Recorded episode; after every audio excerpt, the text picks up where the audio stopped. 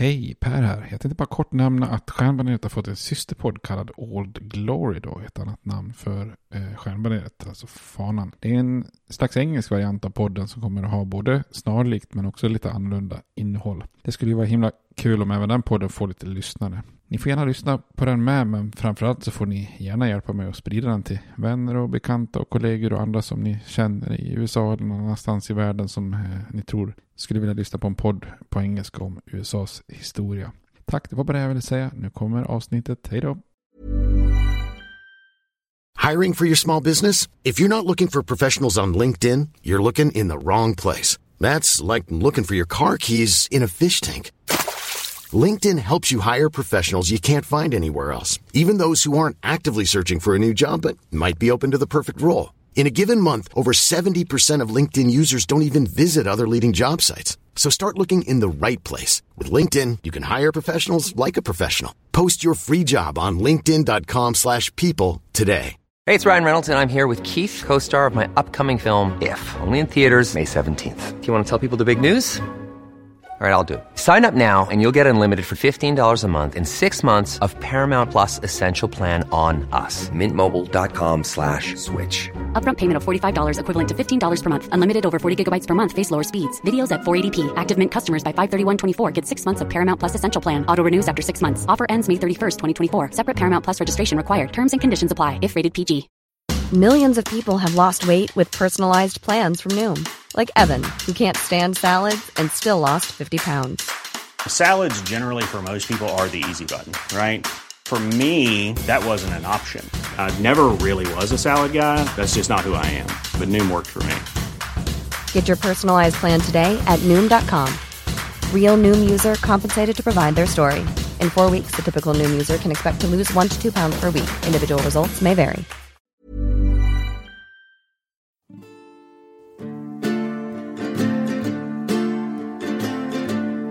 We hold these truths to be self-evident, that all men are created equal, that they are endowed by their Creator with certain unalienable rights, that among these are life, liberty, and the pursuit of happiness.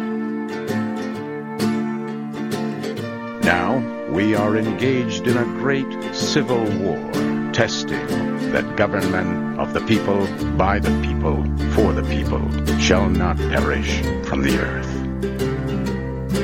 And so, my fellow Americans, ask not what your country can do for you. Ask what you can do for your country. I have a dream. My four little children will one day live in a nation where they will not be judged by the color of their skin, but by the content of their character. Mr. Gorbachev, tear down this wall. I did not have sexual relations with that woman, Miss Lewinsky. Ja, då säger vi hej och välkomna till eh, Stjärnbaneret, en podcast om eh, amerikansk historia. Eh, mitt namn är Per Fjärdingby och som vanligt har jag med mig min kollega och vapendragare Robert Wux. Hur är läget Robert? Jo, det är bra. Vi testar att spela in på Skype idag. Ja, vi får se vad det blir för ljudkvalitet, men det verkar funka i alla fall. Ja, precis. Vi Hoppas får väl att- utvärdera detta. Ja, vi får göra det. Och eh, vi, vi försöker få till alla tänkbara inspelningstillfällen eftersom vi också har startat en, en ölpodd. En öl på fem minuter som vi också får göra lite reklam för. Ja, nu är det bråda tider tänkte jag säga. Vi är ju väldigt upptagna nu och det är svårt att få till möten och så. Så om vi får det här att funka så tror jag det blir lite lättare Ja, med precis. att få inspelat. Ja, ja men det är ju så. Men Mm. vi, vi har ju inte nämnt så mycket om oss själva, men vi, du har ju två små barn, och, eller mindre barn, och jag har tre mindre barn, så att eh, det är, och vi gör det här helt liksom på fritiden, så att det är svårt att få till Ja, ja. allting. Så att det här kan, ja, jag hoppas att Skype faller väl ut, för då har vi breddat vår möjlighet att spela in fler avsnitt helt enkelt. Ja, precis, precis. Eh, vi tänkte ju idag eh, fortsätta den här kronologiska genomgången av USAs historia. Då. Och eh, det är väl lite grann av- av en brytpunkt. Därför att de första åtta avsnitten så har vi ju varit inne på den här koloniala tiden. Alltså innan det faktiska USA föds så att säga. Och det är ju en tid som verkligen påverkar hur, hur USA sen kommer att utformas. Men de kommande fyra avsnitten så kommer vi ju i den här översiktsserien så kommer vi ju att vara inne på amerikanska revolutionen.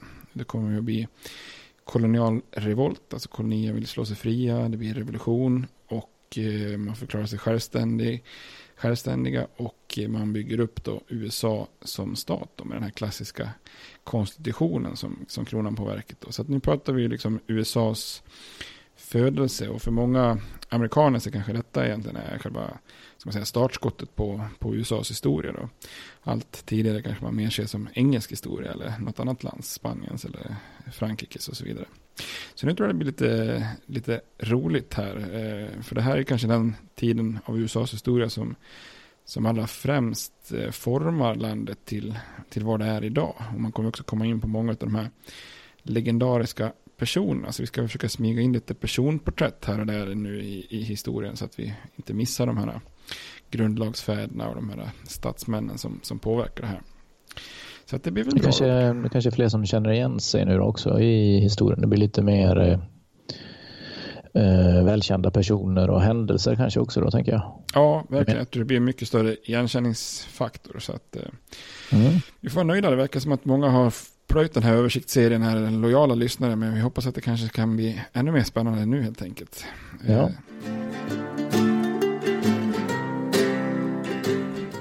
Men eh, nu ska vi gå in här på lite revolution och sånt. Vi eh, pratade innan här, vad ska vi rekommendera för öl till, till ett sånt avsnitt?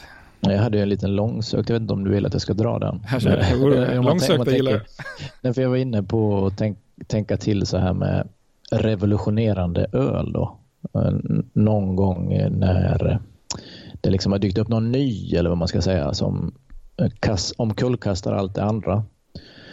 Och jag var ju på eh, Omnipollos öppning igår här i Göteborg och de eh, det blev ju mycket ståhej kring deras Nebukadnessar när de släppte den 2012 kommer jag ihåg. Det var inte, det är inte någon ny ölsort men den var ju välhumlad minst sagt. Den har väl ett IBU som det heter då på 120 och eh, den, den gav lite eko kommer jag Ja. ihåg.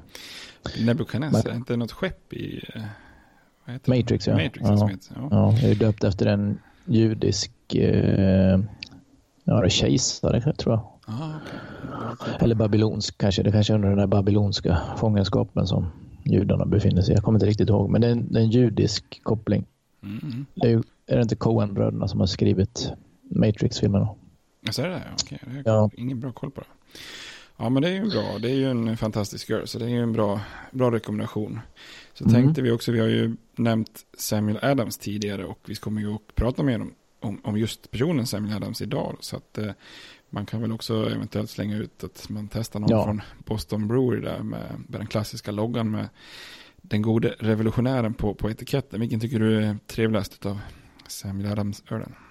Ja, de, den jag drack senast var ju Boston Lager. Den har jag väl nämnt tidigare men det är ju en, en fantastisk eh, fin lager. Ja, verkligen. Jag gillar den här Black Lager också, den där kolmörka. Jag vet inte om jag har smakat den. Jag tror inte det. Fin. Och sen finns, fanns det en som heter 48 Latitude IPA som jag testade en gång. Jag tror det är bara humlesorter från 48 breddgraden. Och, och, ja, den tyckte jag också var riktigt bra. Kanske Ja. inte så lätt att få tag på, men en Boston Lager kan man få tag på om man vill Ja, ha något i glaset till avsnittet. Men vi säger väl så. ja.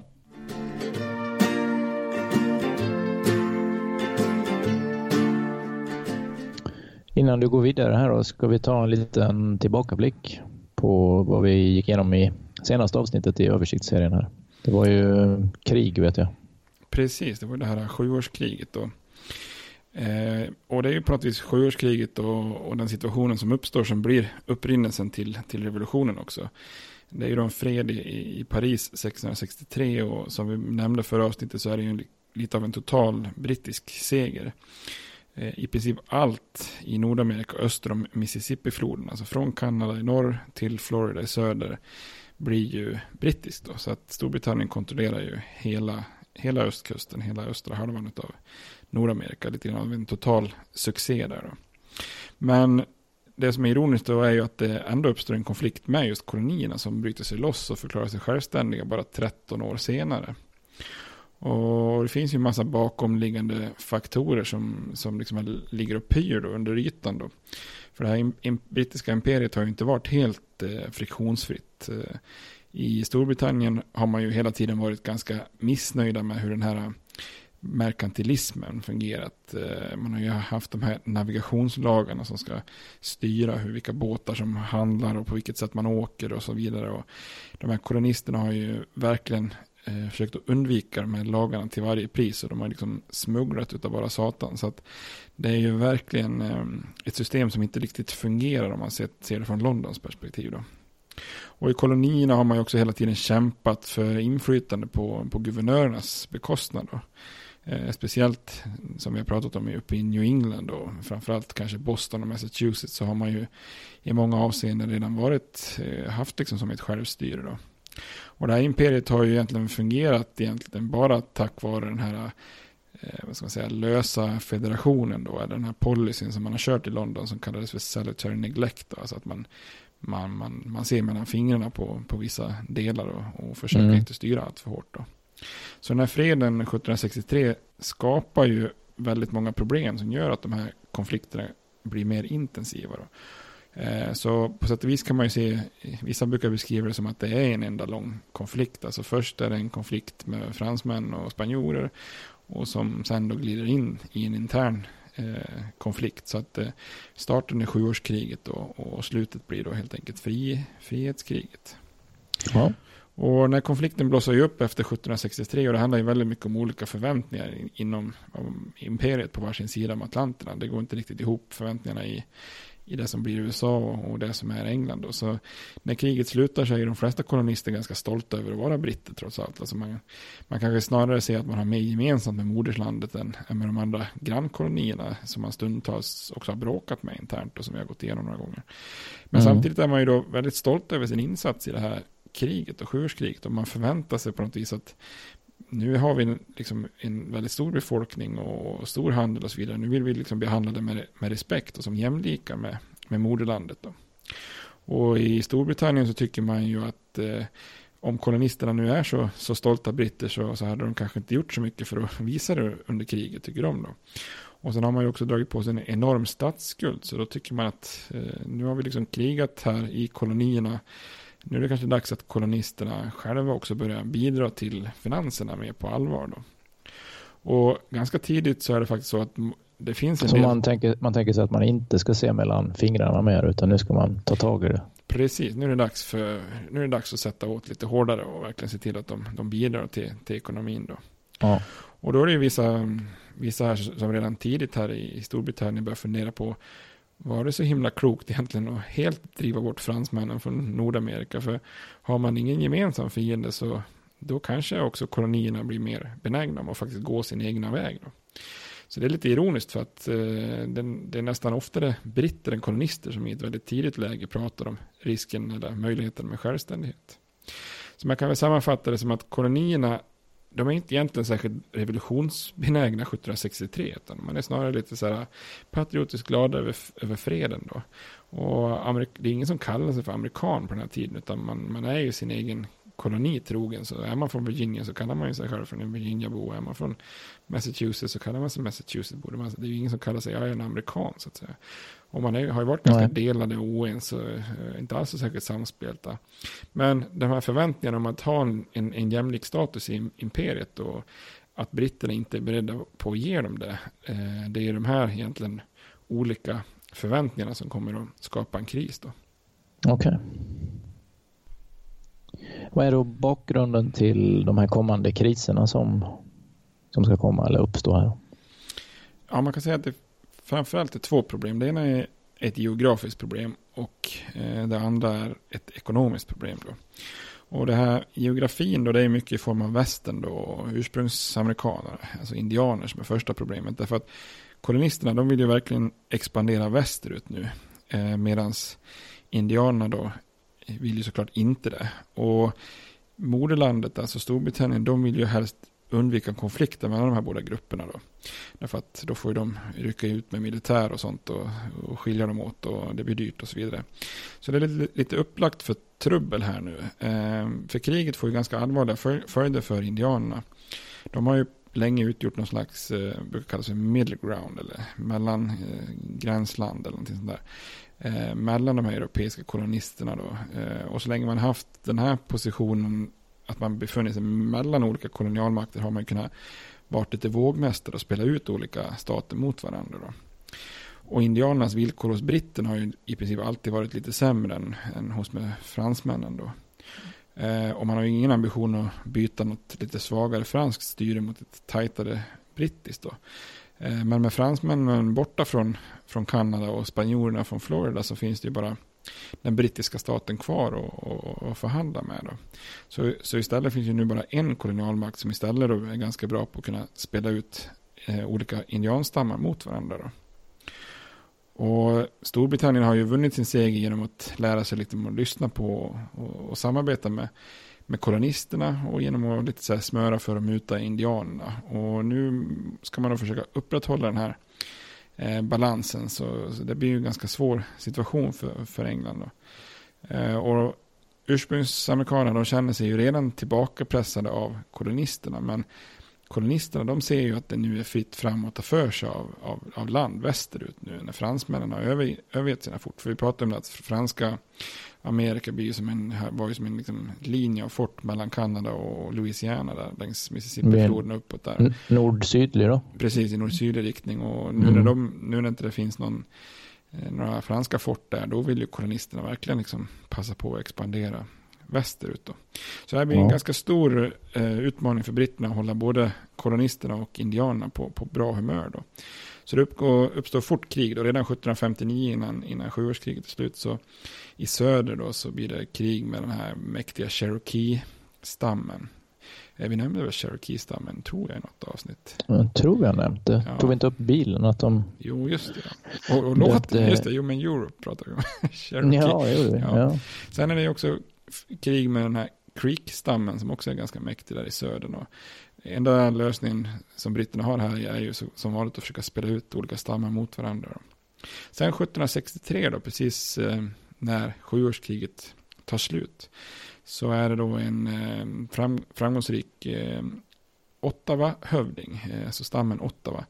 En hövding som heter Pontiac, som då uppe i norr lyckas samla en massa i olika stammar och går till attack mot kolonisterna. Eh, och, och det kriget slutar ju, slutar ju också med att man då försöker få förhandla fram någon form av fred och så vidare. Och även eh, finns ju några stammar som har varit väldigt dominanta där i gränslandet i norr mellan Frankrike och britterna. Och det är ju de här irokeserna, då, bland annat Mohawk-stammen, mohikanerna som vi pratade om. Eh, mm. Alla de här stammarna tvingar egentligen britterna till, till förhandlingsbordet för att avträda olika landområden och så vidare. Så i London tänker man sig att vi måste ha en lösning på det här geografiproblemet. Och då utfärdar man 1763 en eh, proklamation. Då. Eh, och det innebär att samtidigt som massa indianstammar avträder stora landområden och flyttar liksom helt väster om Appalacherna, den här bergskedjan som går en bit in där på den nordamerikanska kontinenten, så garanterar då britterna samtidigt gentemot indianerna då att inga nybyggare får korsa Appalacherna och slå sig ner i, i eh, liksom den tidiga västen. där. Så tanken med den här proklamationen 1763 det är ju att dels att pacificera och lugna indianerna eh, och, och se till att de inte blir, eh, blir provocerade av nybyggare. Men istället då gör man ju kolonisterna helt ursinniga med den här proklamationen då för att i, i de olika amerikanska eh, staterna där, eller kolonierna, så anser man ju att den här marken har vi ju liksom vunnit i krig, så den här har vi ju rätt till. Um, så att, um, och, och, dessutom har ju många av de här kolonierna i sina privilegiebrev, alltså rätten till allt landområde västerut, eh, i princip till, till Stilla havet där det ju liksom står det ju i de här breven. Så det är ju i princip på... Undrar hur stor koll man har här på hur stor kontinenten är? Hur mycket yta man pratar om egentligen? Nej, de har riktigt, riktigt dålig koll. Alltså det, ja, jag tänker också det. det. Tänk om man visste redan då hur stor den är. Det är ju ja, som sagt ofantlig yta. Ja, ja, visst. Nu pratar vi ju liksom att kolonierna är fram till Appalacherna. Sen är det en ganska mm. stor yta från, från Appalacherna fram till Mississippi-floden. Men tittar man på ja. en karta över kontinenten så är man ju egentligen inte mer än en tredjedel cirkus i öst-västlig riktning när man är vid Mississippi-floden. Så det är ganska enorma områden. Och det kommer ju först på mycket på 1800-talet där vi kommer att prata om de här klassiska Lewis och Clark-expeditionen som, eh, som då kommer ta sig hela vägen fram till Stilla havet. Men de har ju att göra flera år innan de kommer till Stilla havet och tillbaka. Så då, utgår, då utgår de ändå från St. Louis i sin expedition. Då.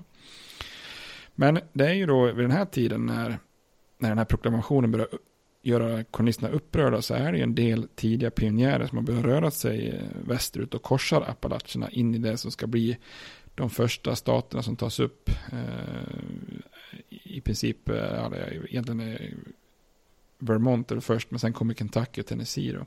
Och Kentucky och Tennessee det är ju då på västra sidan om Appalacherna. Och en av de kanske mest kända sådana här pionjärerna det är han Daniel Boone. Han har säkert hört talas om i olika lägen. Eh, han är en av de som skapar en, en liten väg eller stig eller vad man ska kalla det för västerut där som heter Wilderness Road. Man kan höra på namnet Wilderness Road att den kanske inte är superbekväm att färdas eh, längs med. Men han hittar i alla fall, eh, den blev han, vi ska vara lite osagt, men han, de hittar en liten lucka där i Appalacherna som heter Cumberland Gap som är en sån här ställe som blir otroligt känd för det är där många nybyggare forsar över Appalacherna. Då. Så Daniel Boone han grundar ju eh, bland annat en liten ort som heter Boonesboro. Eh, och 40 år efter den här proklamationen då, eh, strax innan sekelskiftet 1800 så bor det faktiskt 200 000 amerikaner redan väster om Appalacherna. Då. Oj, är snabbt. Ja, precis. Och en annan sak då som är lite oroande för kolonisterna det är ju att man i London också väljer att ha en stående armé på 10 000 man i kolonierna. Eh, för att liksom kunna då garantera den här proklamationen och se till att hålla lugn och bemanna alla fort man har tagit över från fransmännen och så vidare. Och eh, det pratar vi om i det här avsnittet om rätten att bära vapen. Alltså att i kolonierna är man ju otroligt känslig för det här med att ha en stående armé på, på, på plats. Därför att man har, ser ju att försvaret ska utgöras av sådana här milistrupper, medborgartrupper. Mm. Eh, så genom att göra de här rödrockarna, soldaterna till en garant för den här proklamationslinjen så blir de ju nästan per automatik en fiende till, till kolonisterna. Så där har vi ju liksom eh, ett eh, ganska stort problem då. Men det, är ju, det var ju det geografiska problemet. Då. Mm.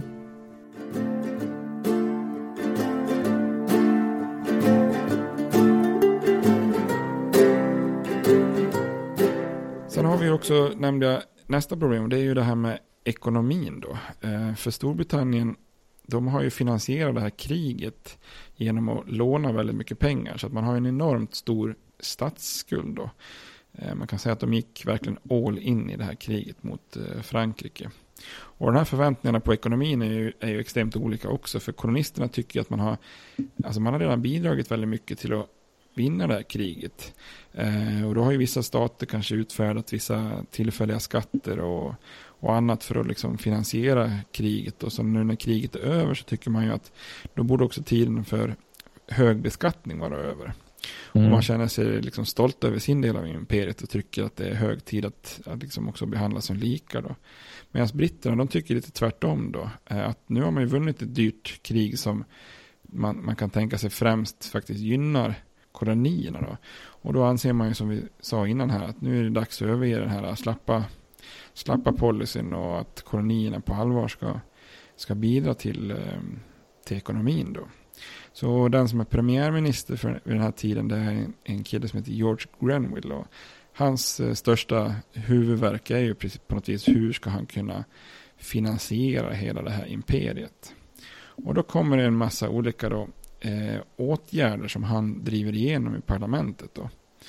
Eh, den första är en eh, lag som heter Sugar Act eh, från 1764, då, ett, ett, år efter kriget. Och eh, den halverar tullen på molass, alltså den här sockerråvaran som används för att tillverka till exempel rom. Då. Mm. Och då kan man tycka det låter positivt att den halveras, men det som har varit problemet är att man då tidigare har haft en ganska hög tull på den här för att liksom gynna brittisk, brittiska västindiska sockerkolonier gentemot franska och spanska. Då. Men då tänker man så här att men det har varit väldigt stor smuggel därför att man, kolonisterna har köpt mycket även från Frankrike och Spanien. Så genom att halvera tullen så tänker man att då kanske det blir så pass liten tull att man ändå på något vis kommer att sluta smuggla och ändå köpa engelskt. Så att man tänker sig att man nu faktiskt eh, genom den här åtgärden ska öka importen av engelsk molass och få in mer tull, tullavgifter. Mm. Eh, men problemet är också att man tänker sig att nu ska vi också efterleva den här lagen hårdare. Så att då har man då någon slags engelska sjödomstolar, alltså Admiralty Courts, eh, som det är brittiska domare, men ingen jury. Eh, och de är ganska få till antalet. Så ska man dömas för smuggling till exempel så måste man resa långt, man har ingen jury som dömer. Och det här tycker man är upprörande utifrån, utifrån ett rättighetsperspektiv i kolonierna. Mm, det kan man ju eh, förstå. Ja, verkligen. Eh, så då, den här, den här sockerlagstiftningen 64 börjar väcka lite protester och Eh, och sådär. Men det är inte liksom riktigt läge för revolt än. Men året efter då så kommer det två lagar. För det första kommer det en, en lag som heter Quartering Act, eh, 65 då, 1765. Som kräver att kolonisterna ska eh, husera och försörja trupper. Vilket de inte tycker är sådär jättekul då. Men sen framförallt då 1765 så kommer det en lag som heter Stamp Act. Eh, det är alltså en stämpelskatt på alla officiella papper.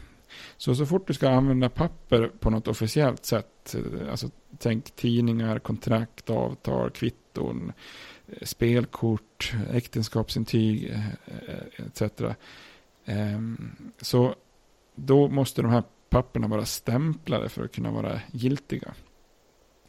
Eh, så det här är den första, kan man säga, direkta skatten, alltså en skatt som påverkar eh, gemene man, inte bara liksom indirekt via handel och handelsmän, utan eh, ska två stycken personer gifta sig så, så måste man då i, ha ett äktenskapsintyg och då måste du betala en stämpelskatt för att kunna få äktenskapsintyget på ett, på ett gällande papper då helt enkelt. Och mm. den här premiärministern Granville, han, han ser ju det här som någonting ganska rättvist och schysst. Alltså han, han ber ju bara kolonierna för att betala för en liten, liten del av utgifterna för försvar och administration av, av imperiet. Och men, eh, och sådana här stämpelskatter är ganska vanliga även i, i, i England. Då. Men det som är en stor skillnad här är att tidigare skatter har ju då kanske främst drabbat handelsmän eller eliten. Men den här skatten drabbar ju i princip nästan alla kolonisterna. Och det här väcker då stora, stora protester i, i kolonierna. Eh, men det är också så här, man kan tänka sig var, var, varför reagerar de så starkt på det här med skatter och sånt där. Eh, och det är på något vis, man måste nästan tänka sig in i det ideologiska på den här tiden. Att det är, för kolonierna är det inte egentligen bara en ekonomisk fråga, utan man ser det här som ett hot mot liksom sin, sin frihet i stort då, och i form av lokalt självbestämmande. Eh, och det är nästan lite svårt att förstå den amerikanska revolutionen om man inte eh, förstår konflikten utifrån det här perspektivet. Då. Jag ska försöka förklara. Eh, därför att det är liksom en ideologisk grund. Eh, om man tittar på till exempel John Locke, som politisk filosof, så, så, så grunden för, för allt hans resonemang och, och, som de bygger mycket protesterna på, det är ju att egendom eh, garanterar frihet.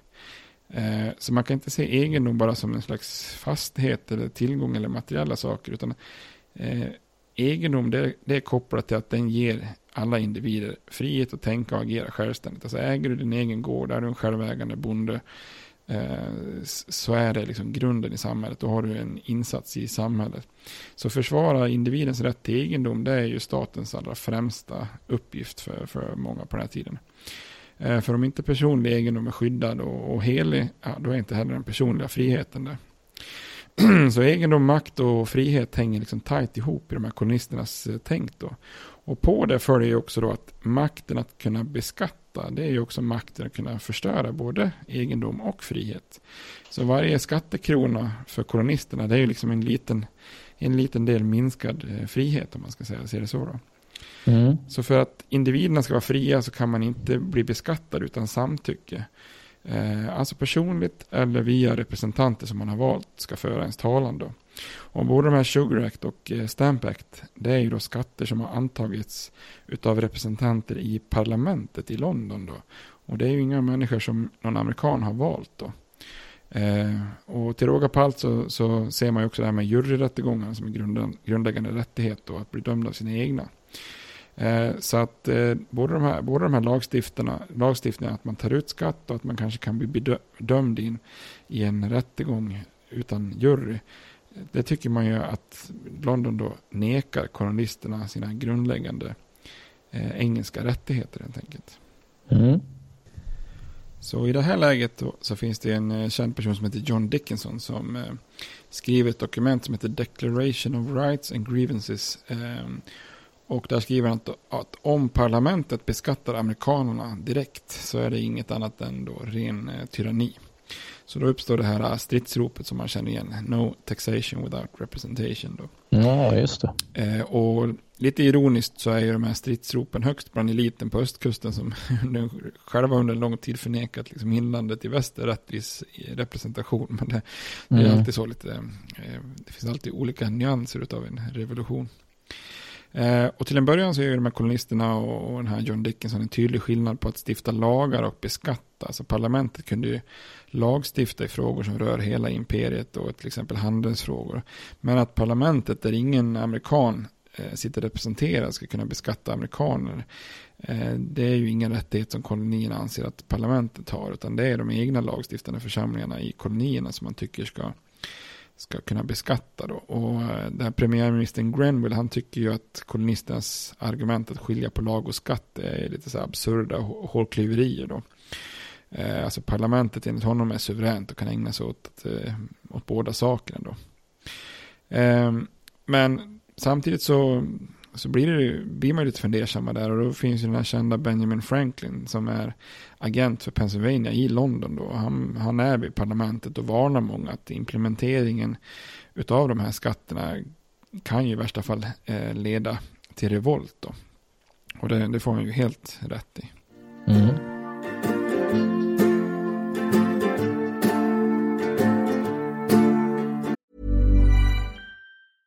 Hiring for your small business? If you're not looking for professionals on LinkedIn, you're looking in the wrong place. That's like looking for your car keys in a fish tank.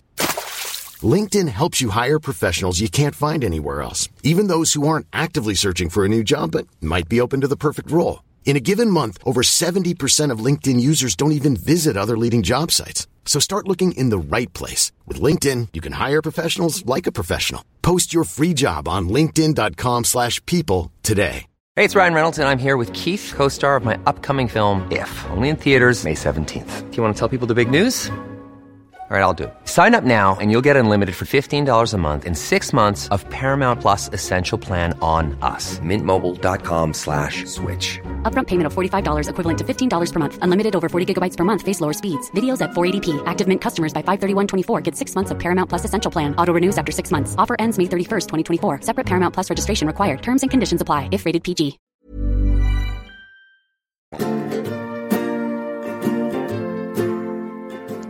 Hur kommer den här revolten igång då? Vad, vad gör man? Vad händer?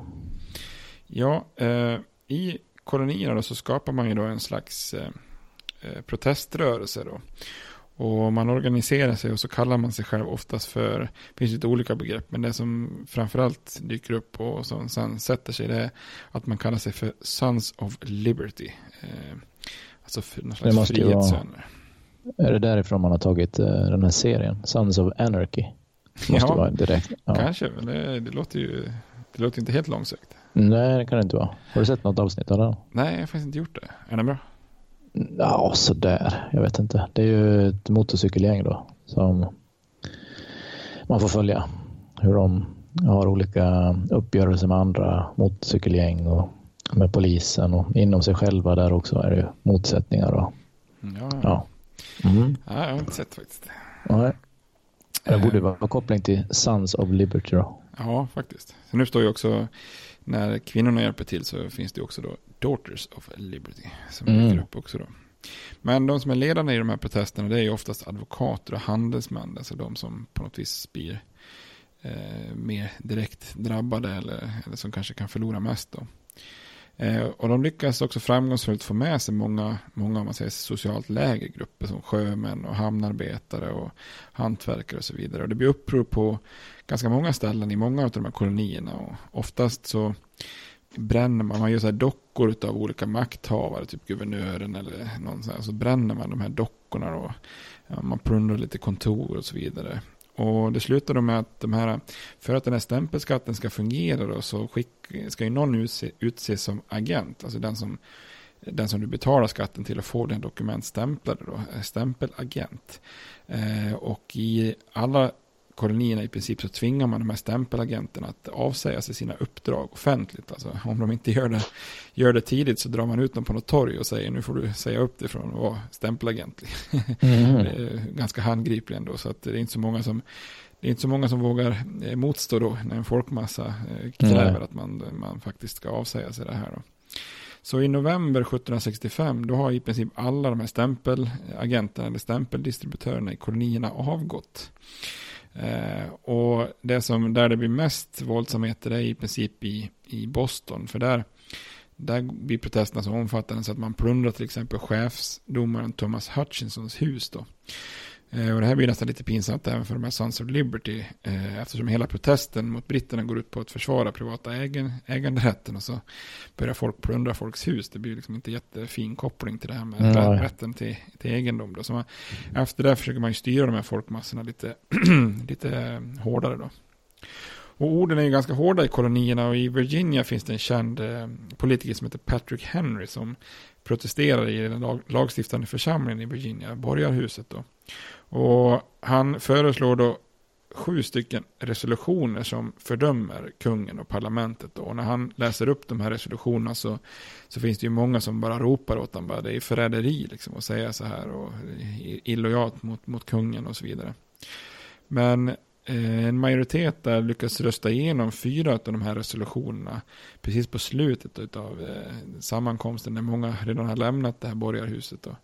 Men alla sju resolutioner sprids då. Då tror de andra kolonierna att Virginia verkligen har gått i bräschen för, för en revolt. Då. Eh, så allt fler kolonier börjar deklarera att de vägrar att ställa upp på den här stämpelskatten. Då. Och i Massachusetts finns det en kille som heter James Otis och han kallar till en kongress i New York i oktober 1765. Så att flera kolonier samlas och, och protesterar gemensamt och, och, och formellt. Då. Och det här är lite ironiskt eftersom London tidigare försökte ena kolonierna precis här i, i kampen mot Frankrike. Då. Vi pratar om den här förslag, föreslagna unionen som Benjamin Franklin hade. Men ja, då, gick det liksom inte att ena dem. Men nu när de har infört stämpelskatten så står kolonisterna helt plötsligt ganska, ganska enade då för, för att samman, sammanträda tillsammans. Då. Eh, och det är en viktig händelse eftersom ledarna för de här olika kolonierna, de har inte, kanske inte känt varandra så bra. Så nu börjar man liksom lära, lära känna varandra och se att man har gemensamma saker och så vidare. Så den här, den här dagen då den här stämpelskatten ska träda i kraft så finns det inget brittiskt system som kan börja administrera den här skatten. Och, och eftersom alla stämpelagenterna har avgått så finns det ingen som kan säga stämplar. Så all handel och annat börjar hämna, hämmas då för att det finns inga officiella papper. Då. Så det slutar med att i februari året därpå, 1766 så backar parlamentet och drar tillbaka den här stämpelskatten. Då. Eh, men man vill ju inte helt liksom ja, det, det är ju som att helt kapitulera mot kolonisterna. Så då kom man på den här fiffiga lösningen att vi drar tillbaks stämpelskatten. Men för att visa vem som bestämmer, åtminstone i teorin, så röstar man igenom någonting som heter Declarator Declaratory Act. Eh, där man fastställer att parlamentet har rätt att fatta lagar som binder, binder alla medborgare i hela imperiet. Det är lite sandlåda kan man säga. Så att, eh, mm. vi, vi drar tillbaka den här, men bara så ni vet, det är vi som bestämmer. Så att, mm. det är inte ni som kan avgöra detta. Då. Eh, och den här stämpelskattskontroversen, den visar ju ganska tydligt hur, hur olika liksom, eh, politiskt då, som kolonisterna tänker och hur olika man tänker gentemot eh, det här moderlandet då, eh, i Storbritannien kring det här begreppet med representation. Då. För att Eh, Eh, i England då, premiärministern Grenville och många i parlamentet, de anser då att kolonierna är virtuellt representerade eftersom varje ledamot i parlamentet ska, tycker de ska lagstifta för hela nationen, inte bara för de som har valt personen då, alltså distriktet eller sådär. Eh, men kolonisterna de anser ju att det här virtuell representation, eh, det, det är ju helt omöjligt. Alltså, eller det är ju bara löjligt. För hur ska någon som sitter på andra sidan Atlanten i London och aldrig någonsin har satt sin fot i Amerika, liksom, hur ska de veta vad som är bäst för kolonisterna? Samtidigt som avståndet gör ju att man kan inte gärna skicka egna representanter över Atlanten fram och tillbaka hela tiden. Eh, och då tycker de att det enda alternativet som kvarstår det är ju faktisk representation. Då. Eh, och den faktiska representationen har ju kolonierna i sina egna lagstiftande församlingar. Så för dem är ju de lagstiftande församlingarna kolonierna de enda som kan beskatta. Då. Eh, ja.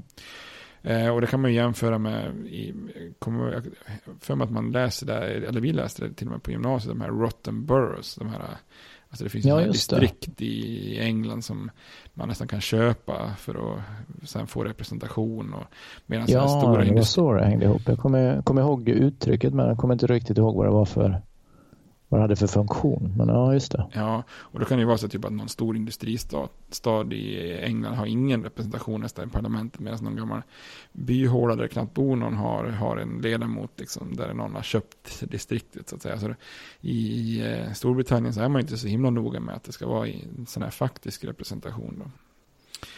Och parlamentet, man tycker att parlamentet på sin höjd kan lagstifta, alltså kolonisterna tycker på sin höjd att parlamentet kan lagstifta kring handelsfrågor, det som är gemensamt för hela, hela imperiet, men att beskattning, just det, är- det är en fri gåva av folket genom deras representanter och de sitter inte i parlamentet. Så är man tillbaka till det här no taxation without representation. Då. Men då är krisen på något vis i alla fall avvärjd för stunden i alla fall. Det lugnar sig lite nu då. Ja, precis.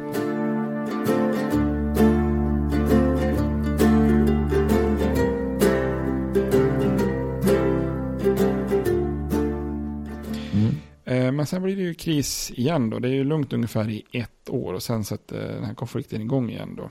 Och i Storbritannien så är man ju lite så här oförstående. Var- Varför ska 7,5 miljoner britter betala höga skatter för att bland annat försvara kolonierna? Medan så 2 miljoner kolonister vägrar att betala ens en tredjedel av den kostnaden. Så man är ju ändå lite, lite sugen på att hitta ett sätt att beskatta kol- kolonisterna då. Mm. Och vid den här tiden så har den som är kung då, det är ju George the third, eller Georg den tredje. Och han har ju väldigt svårt att, han dribblar lite fram och tillbaka och byter premiärminister och har det svårt att hitta någon han verkligen tycker fungerar bra då. Eh, men vi, i det här läget så väljer han en man som heter Charles Townshend och eh, han brukar kallas för Champagne Charlie eftersom han var en bra talare i parlamentet till och med när han var berusad. Det är skickligt. Eh, Mm. Bra namn. Ja, och han, Townshend, han, han tror att han är smart genom att ta fasta på det här med att kolonisterna har gjort en väldigt stor skillnad på alltså intern och extern beskattning. Alltså att intern beskattning är direkta skatter och eh, extern beskattning går med via liksom handel och tullar. Då. Så 1767 så driver han igenom de så kallade Townshend-skatterna som är då externa och indirekta. Och det innebär att man har då tullavgifter på ett antal varor. Eh, bland annat glas, eh, papper och te. Och är viktigt, det kommer jag komma tillbaka till. Eh, men problemet, han kanske hade kunnat komma undan med det här, men samtidigt så inkluderar ju den här lagstiftningen ett antal mer provocerande inslag då. Eh, och ett av de värsta det är att intäkterna från de här tullarna ska betala eh, guvernörernas löner. Och det där var vi inne på i något avsnitt sen, att det främsta redskapet som man har i kolonierna det är ju att man kan förhandla med guvernörerna och pressa dem till olika eftergifter genom att man då betalar guvernörens lön. Så att om inte de lagstiftande församlingarna går med på en budget liksom som, som gör att guvernören får lön så då har inte guvernören några pengar. Så att då har man kunnat sätta hårt mot hårt. Men om guvernören får sin, sin lön betald via tullarna så då, då tappar man ju det här verktyget i, i kolonierna. Då. Ja. Samtidigt så låter man ju också i parlamentet att upplösa New Yorks lagstiftande församling. För den, denna var då motsatt sig att man ska inkvartera trupper. För man försöker, man försöker då förlägga ganska mycket trupper till New York då, som har en bra hamn och allting sånt där. Och då vill inte kolonisterna eh, hitta boende och mat till de här trupperna. Så att då blir ju parlamentet surt då, så man stänger eller av, avskaffar New Yorks lagstiftande församling då. Och det är ju återigen, eh, för kolonisterna är det här ett angrepp mot liksom, fundamentala rättigheterna. Liksom. Ska inte New York ha en lagstiftande församling? Det är ju jätteupprörande. Ehm, och de här kolonierna efter den här segern med stämpelskatten så har de blivit lite mer självsäkra men också kanske lite mer lättkränkta än tidigare. Och ehm, då skriver bland annat den här John Dickinson då, han, han skriver under, under begreppet Letters from an American Farmer. Jag vet inte varför man liksom kallar sig så, men, men eh, han skriver då att New Yorks sak är allas sak och att avskaffa en lagstiftande församling det är i princip att skapa slaveri då. Eh, så om parlamentet kan beskatta varor som exporteras till kolonierna, ja, då kommer de ju snart att beskatta alla varor och vart ska den här gränsen gå börjar han diskutera då. Eh, så det är flera av de här lagstiftande församlingarna som, som svar på de här Townshend-skatterna och, och upp, upplösandet av New Yorks församling då så så börjar man förneka parlamentets rätt både till externa och interna skatt, skatter. Då. Alltså att skatt i vilken form som helst är inte okej okay om, om man inte har representation. Så det som börjar som en lite mer oskyldig extern skatt leder till en konflikt som tas ytterligare en nivå när det gäller liksom konstitutionella argument. Då. Och alla inblandade här på båda sidor av Atlanten tvingas på något vis att fundera på den frågan som man har undvikit i typ 160 år. Alltså vad, vad är egentligen det brittiska imperiet då? Och var existerade suveräniteten i det här imperiet då? Och i kolonierna protesterar man också och ekonomiskt då, genom att börja bojkotta brittiska varor. Eh, det är inte alla handelsmän då, och givetvis inte de som smugglar som är delaktiga i det här. Då. Men det är nog många som ställer sig bakom den här bojkotten för att den brittiska importen ska minska markant. Och, och att det också då skadar engelska exportörer. Eh, och många kolon, kolonister ägnar sig åt, eh, alltså åt Smuggling, eh, eftersom man, den drycken är viktig. Då. Det är väldigt vanligt i Boston, Massachusetts att eh, smuggla. Då. Och i Massachusetts är man också väldigt högljudd. Den här James Otis, han protesterar i den lagstiftande församlingen eh, och man skriver då såna här petitioner, alltså brev direkt till kun, kungen och ber honom att dra tillbaka de här Townshend-lagarna. Och i London bestämmer man sig för att eh, det är nog bäst att vi faktiskt skickar trupper till Boston för att lugna situationen. Och det kan man ju, du kan ju, om vi tar en liten eh, snabb quiz här, om de skickar trupper till Boston, tror du att det lugnar situationen eller tror du att det förvärrar? Det en ledande fråga. Ja, precis. Ja. ja, det är ju såklart inte så smart. Det blir ju betydligt värre av att trupperna är där då. Och den 5 mars 1770 så inträffar någonting som kallas för Boston-massakern. Eh, det är brittiska trupper under en, eh, en kapten där, Thomas Preston, som ja, de trakasseras och häcklas lite av en folkmassa som börjar kasta snöbollar och stenar mot dem när de vaktar tullhuset. Och, Och det är lite oklart exakt vad som händer, men någon av soldaterna då skjuter då, ja, och, och då är det flera som avfyrar sina musköter då. Och eh, det kallas ju för massaker, Boston-massakern. Det kanske är aningens aningens överdriva. Men det är i alla fall fem stycken som, som kolonisterna i alla fall eh, säger är oskyldiga som, som dör då. Och sex som skadas. Man kan ju fundera på hur, hur oskyldigt det är om man står och suttar en massa sten på soldaterna. Men, men eh, såklart ur kolonisternas ögon så är det ju, är det ju upprörande. Och det är två av de här soldaterna som döms eh, för det här brottet och får sina händer brännmärkta. Eh, men han kaptenen kommer, kommer undan i alla fall. Och han försvaras faktiskt av John Adams som är Samuels Adams kusin. Senare, senare president i USA då. Mm. Och den här Boston-massakern är ju en viktig händelse för man, man inser att brittiska trupper mycket väl kan då angripa den egna befolkningen. Och just John Adams, han beskriver, skriver faktiskt senare att grunden till självständigheten läggs här nu 5 mars 1770 när, när trupperna skjuter på, på, på den egna befolkningen. Ja. Och i London där är man ganska uppgivna för de här Townshend-skatterna som man har infört ger ju nästan inga intäkter alls då. Utan snarare så är det den här bojkotten som, som resulterar i stora förluster i handel. Så ekonomiskt är den ju allt annat än försvarbar, de här lagarna. Då, utan det är ju enbart den här principen som är viktig. Och då blir det en ganska svår avvägning då, för då vill man ju kanske då eh, backa, men hur ska man göra det här? Ska man lämna efter då för kolonisternas krav på självstyre så länge de har liksom, sentimentala band till moderlandet eller, eller ska man, och då, då, kan man ju riskera att andra inom imperiet, alltså irländare, kanadensare, indier ska börja få liknande idéer och krav? Eller ska man sätta hårt nu då med tuffare lagar och trupper och behålla kontroll, kontrollen i kolonierna med hjälp av bajonetten då? Med risk för att de banden som finns till moderlandet blir försvagas ytterligare och risk för inbördeskrig då. Um, men i det här läget så byter kungen premiärminister igen till en som heter Lord North. Och han väljer den milda vägen. Då, så han drar tillbaka alla tullar utom den på te. Eh, då behåller man T-tullen lite så symboliskt då. Och mm. det är ju mm. det som kommer att sen leda till, till uh, ytterligare kontroverser då. Men då är i alla fall den andra krisen över då. Det är lite grann samma mönster då. Det är, man inför en massa åtgärder i London som leder till protester i kolonierna. Men sen så backar London och eh, kolonierna är nöjda då. Men samtidigt i London så blir man mer beslutsam att nästa gång någonting händer så tänker man ju kanske då inte eh, backa i det här läget då.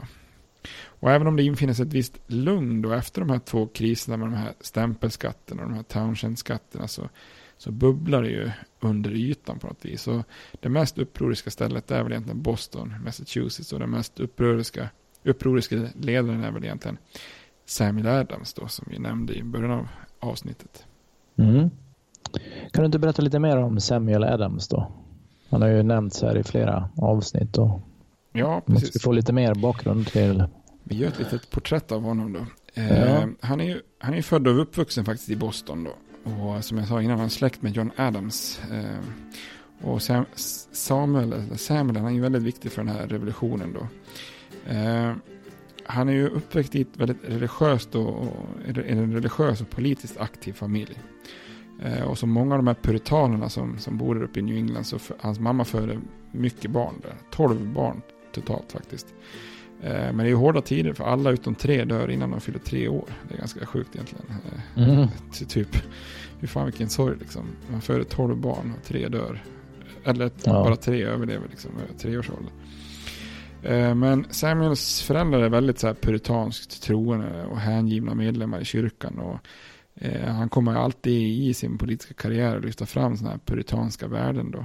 Och hans pappa heter ju också Samuel Adams då. Som vanligt, de har de här senior och junior och the third och bla bla. Eh, och Samuel Adams senior, han är ju då en framgångsrik affärsman och han är politiker som eh, ofta har inflytande på de här stadsmötena, alltså town meetings som är det lokala styret i Massachusetts. Så Samuel Adams han har ju en väldigt bra läromästare i sin, sin pappa och, och studerar. då. Och föräldrarna skickar Samuel till, eh, på utbildning i Harvard utanför Boston, och det här kända universitetet då. Och tanken eller ambitionen från föräldrarna det är att han ska bli en puritansk präst då. Eh, men eh, Samuel han är ju mycket mer intresserad av politik och han försöker sig på att bli en affärsman då. Men det här intresset för politik gör att han, han blir liksom en ganska värdelös affärsman. Han får ett ganska stort lån av sin pappa då. Eh, men det här bränner han ganska rejält i misslyckade affärer då. Eh, och när han har bränt de här pengarna och fortfarande inte liksom har någon, någon, någon bra yrkeskarriär här så ta, då tar pappan in honom i, eh, för familjen har ett mälteri. Eh, så ibland kallas han faktiskt Sam the Maltzer. Mm -hmm. Man brukar ju beskriva det som att han har varit engagerad i bryggeri eller bryggare. Men ska man vara rent tekniskt så är det faktiskt mälteriet om man ska vara helt 100% eh, exakt här. Men mm. -hmm. med andra sidan de som gör malten, det är de som gör halva processen i bryggning. Så, att, så ja. att det, man kan väl kalla han bryggare också. Men det är därför såklart att han är med på de här ölen från, från Boston Brewing här. Att eh, man, man har valt Samuel Adams på etiketten då helt enkelt. Men det enda som intresserar Samuel det är ju, det är ju politiken då. Han gör sig en karriär utifrån de här statsmötena. Och han får till exempel en tjänst som skatteindrivare. Men det gör han också bara ett halvbra jobb. Um, så det är till slut, det som gör att han blommar ut här, det är ju under de här protesterna mot socker och stämpelskatten då. Och från 1764 så är han en väldigt ledande figur i de här revolutionära leden i Boston då. Och han, stod, han är liksom så här, han jobbade lite grann i kulisserna, för han står sällan själv så mycket på barrikaderna, men han är liksom en mästare i att påverka folk bakom kulisserna och planera aktioner och, sådana grejer då. Så fortfarande, vi kommer att prata om den här Boston Tea Party, alltså tebjudningen i Boston, och hans roll i den är fortfarande till exempel lite föremål för debatt, för man, många tror att det måste ha varit han som har varit den ledande bakom det här, men ingen kan egentligen bevisa exakt vad han, vad han spelade för roll där då. Men han är ju slarvig då, hans ekonomi är ju aldrig bra då. Eh, så att när han utses som en av de här representanterna som ska åka till en första kontinentala kongressen här för där kolonierna ska prata ihop sig kring om de ska bli självständiga eller inte eller hur de ska protestera mot Storbritannien. Så har han så jävla dålig ekonomi så han får till och med låna kläder och fick pengar av vänner för att ens kunna åka dit. Så han är, han är mer, mer politiker än vad han är ekonom så att säga. Ja.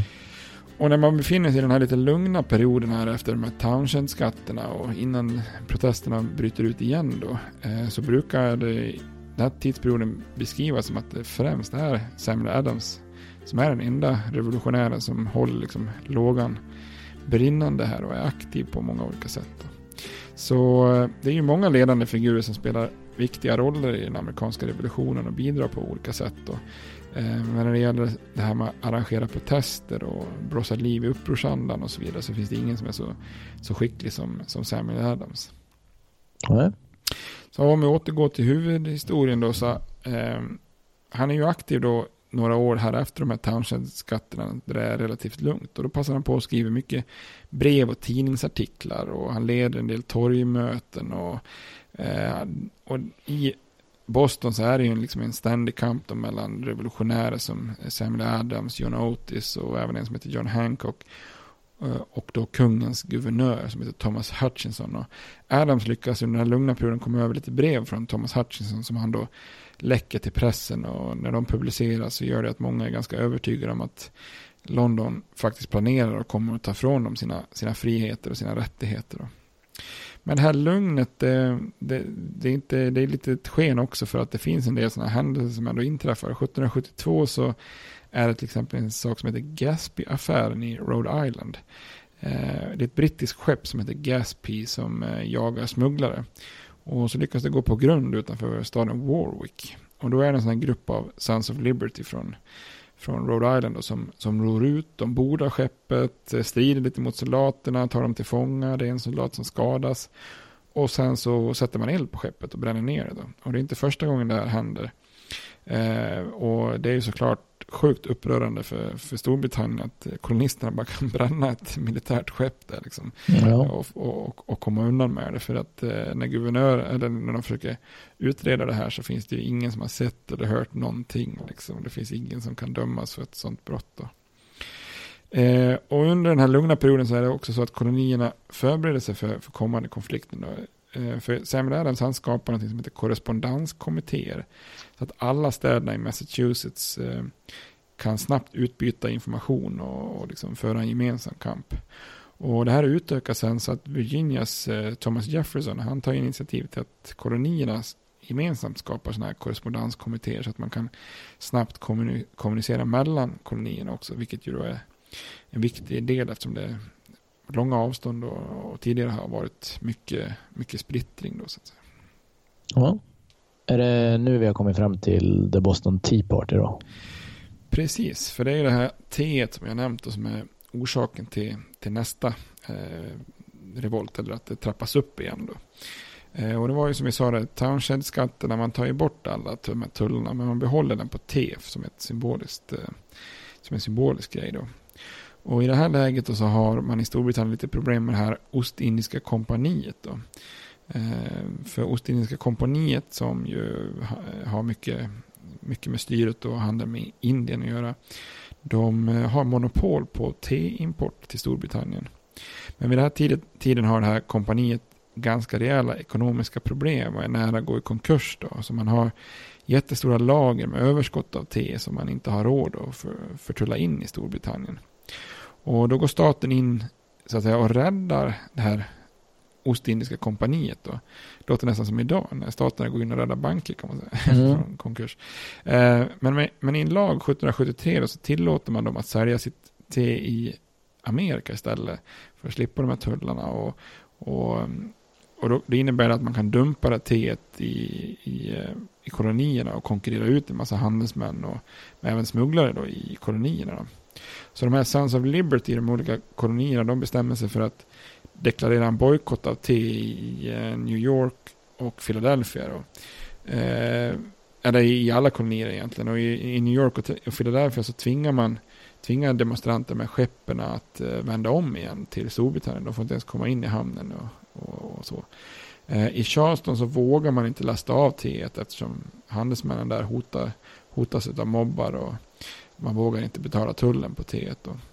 Och egentligen är det mest våldsammast i Annapolis i Maryland. För skeppet med te som kommer in där, eh, det var ju skadat och besättningen var för sjuk för att vända om. Så att ägaren har ingen, inget val, så han betalar tullar för, för teet där. Och det här resulterar i att det dyker upp en mobb som både bränner hela skeppet och lasten i, i bränner upp det.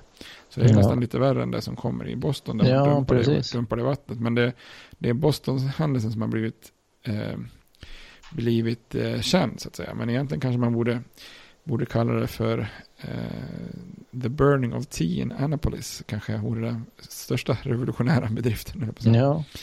Men mest berömt är ju det här händelserna i Boston då. Eh, och Samuel Adams och hans gäng där, de tänker ju, de vägrar ju att kompaniets te ska anlända då.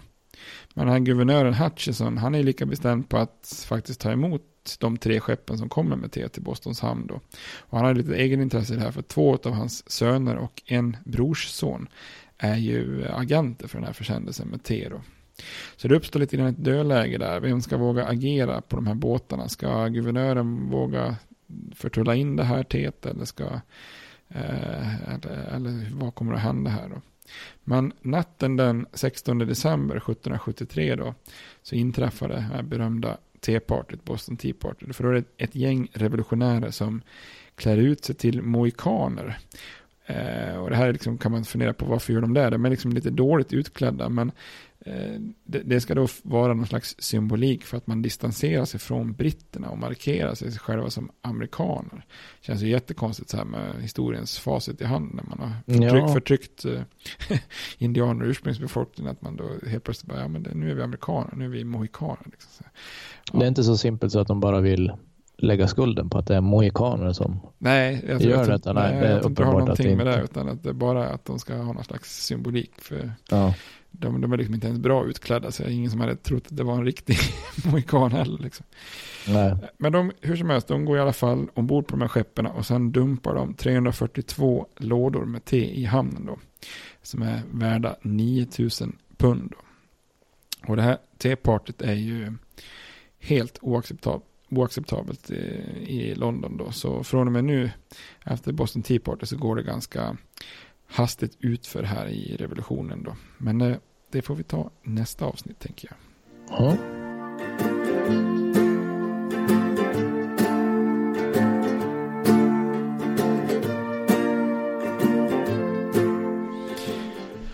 Ja, har vi några referenser som vi brukar köra på slutet? Ja, vi, vi pratade innan, men det, det, var, jag fick eh, upplysa dig om det, att vi, vi, eh, vi spelade mycket flipper flipperspel under en period i våra liv. Ja, det, jag, jag, ja. jag säga, det kommer jag inte ihåg, men det kommer jag ihåg. Men jag kommer inte ja. ihåg det flippet du nämnde.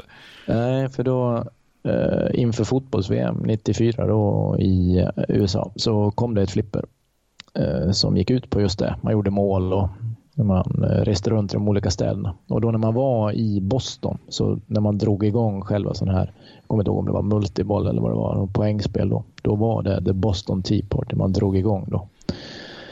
Så där har vi en referens till Flipper. Det har vi inte gett tidigare program jag. Nej, Flipper var länge sedan. Jag borde tänka på så. Ja. ja, men i multiboll det blir ju lite kaos. Så att, ja. det kan väl vara en bra Ja, det var något sånt. Ja. Och sen nämnde du, eh, vi pratade ju tidigare om Cherokee, sa vi va? Jeep Cherokee. Precis. Och sen var det ju nu en, en hövding som heter Pontiac. Mm, jajamän, Ottawa-hövdingen vi nämnde i början. Ja, ja precis. Pontiac är också, blir också ett bilmärke då.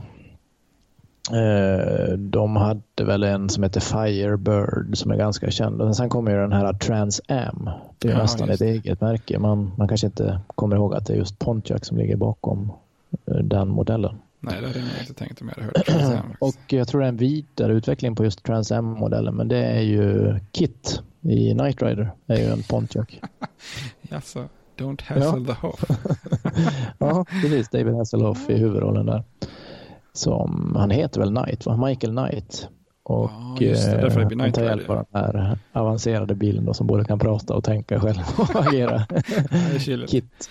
Det är en fantastisk intro där. Jag tycker om den låten ja, som Buster ja, Rhymes ja, har gjort. Ja, verkligen. Det är fantastiskt. Ja, Fire It Up, eller heter den? Jag tyckte, tyckte serien var ganska bra också, men då, nu ser man ju på det med andra ögon nu då. Jag tänker att kan det vara... skulle...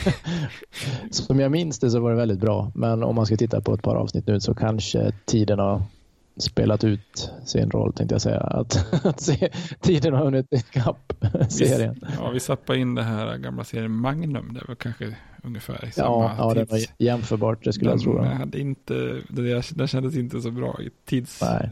Det var inte så att jag varit eh, fasthaglad vid tv. Liksom. Nej. Så det är väl de kopplingarna. Annars har vi rört oss i de här områdena tidigare. Vi har nämnt både uh, Boston, ja du har ju varit på hockeymatch där och basketmatch. Och, jag kommer inte ihåg om vi nämnde New England Patriots men det kanske vi ska spara till. Ja, det gjorde vi. Men det, det blir ju väldigt aktuellt. De har ju verkligen de här eh, frihetssoldaterna som vi kommer att komma till här med frihetskrig. Ja, det blir säkert i nästa program då. Eller nästa avsnitt av ja. den här översiktsserien. Precis. Boston Tea Party, det är kanske många som förknippar med Fredrik och Filip. Här. Ja, jag kommer inte riktigt ihåg. Jag vet ju att det fanns ett program som hette så, men jag, jag tittade inte på det. Kommer du ihåg något? Vad gick det ut på? Men är inte det... De har är, är det inte många... mest att de sitter och pratar eller hade de experter med ja, sig? är det inte det de hade de här experterna, typ någon som kunde Ja, han- medicin och någon som kunde, ja, typ Ja, han läkaren ja, som ja, hade det är solbränd. säkert och- det. Eh, Men skulle inte det han spelar på då? Att de säkert var i något av de här Ivy League-universiteten? Var de inte lite klädda som någon så här universitets ja, det kanske eh, pro- eller eh, college-studenter på något sätt? Mycket möjligt. Ja. Nej, sen finns ju eh, en serie som jag kan rekommendera verkligen som heter John Adams då. Som handlar om Samuel Adams kusin då. Som från 2008. Eh, som ju faktiskt går igenom både revolutionen och även den första tiden av USA innan då. Utifrån just eh, John Adams liv då. Och det är hans skådisen Paul Giamatti som spelar John Adams. Gör en jäkligt bra rolltolkning där. Eh, han är ju han är bra tycker jag. Gör många bra roller. ja, han har varit med i många bra filmer. Ja, verkligen. Eh, var ju med i Billions som vi tänkte på här innan. Ja, den där serien ja. Ja, precis. Eh, och sen är det Laura Linney som spelar fru, John Adams fru Abigail där. Men det är väldigt många, många kända personer med där. Och han som spelar Samuel Adams, det är han, jag slog upp det, han heter Danny Houston. Ingen person jag liksom skulle känna igen namnet på, men när man ser han så inser man att han har varit med i ganska rejält många olika filmer. Mm. Så att, eh, ja, men det är en serie man verkligen kan, kan rekommendera. ja. Bra, men då börjar vi kännas färdiga. Eller? Ja, det får väl sammanfatta. Det, det blev ju han som blev eh, avsnittets profil också tycker jag. Ja, Samuel Adams. Ja, Bra. bra. Men då säger vi hej. Tack och hej. Tack och hej. States like these and their terrorist allies constitute an axis of evil. And if the hippies and the yippies and the disruptors of the systems that Washington and Lincoln as presidents brought forth in this country will shut up and work within our free system of government, I will lower my voice. if the impeachment provision in the Constitution of the United States will not reach the offenses charged here, then perhaps that 18th century Constitution should be abandoned to a 20th century paper shredder. Therefore, I shall resign the presidency effective at noon tomorrow.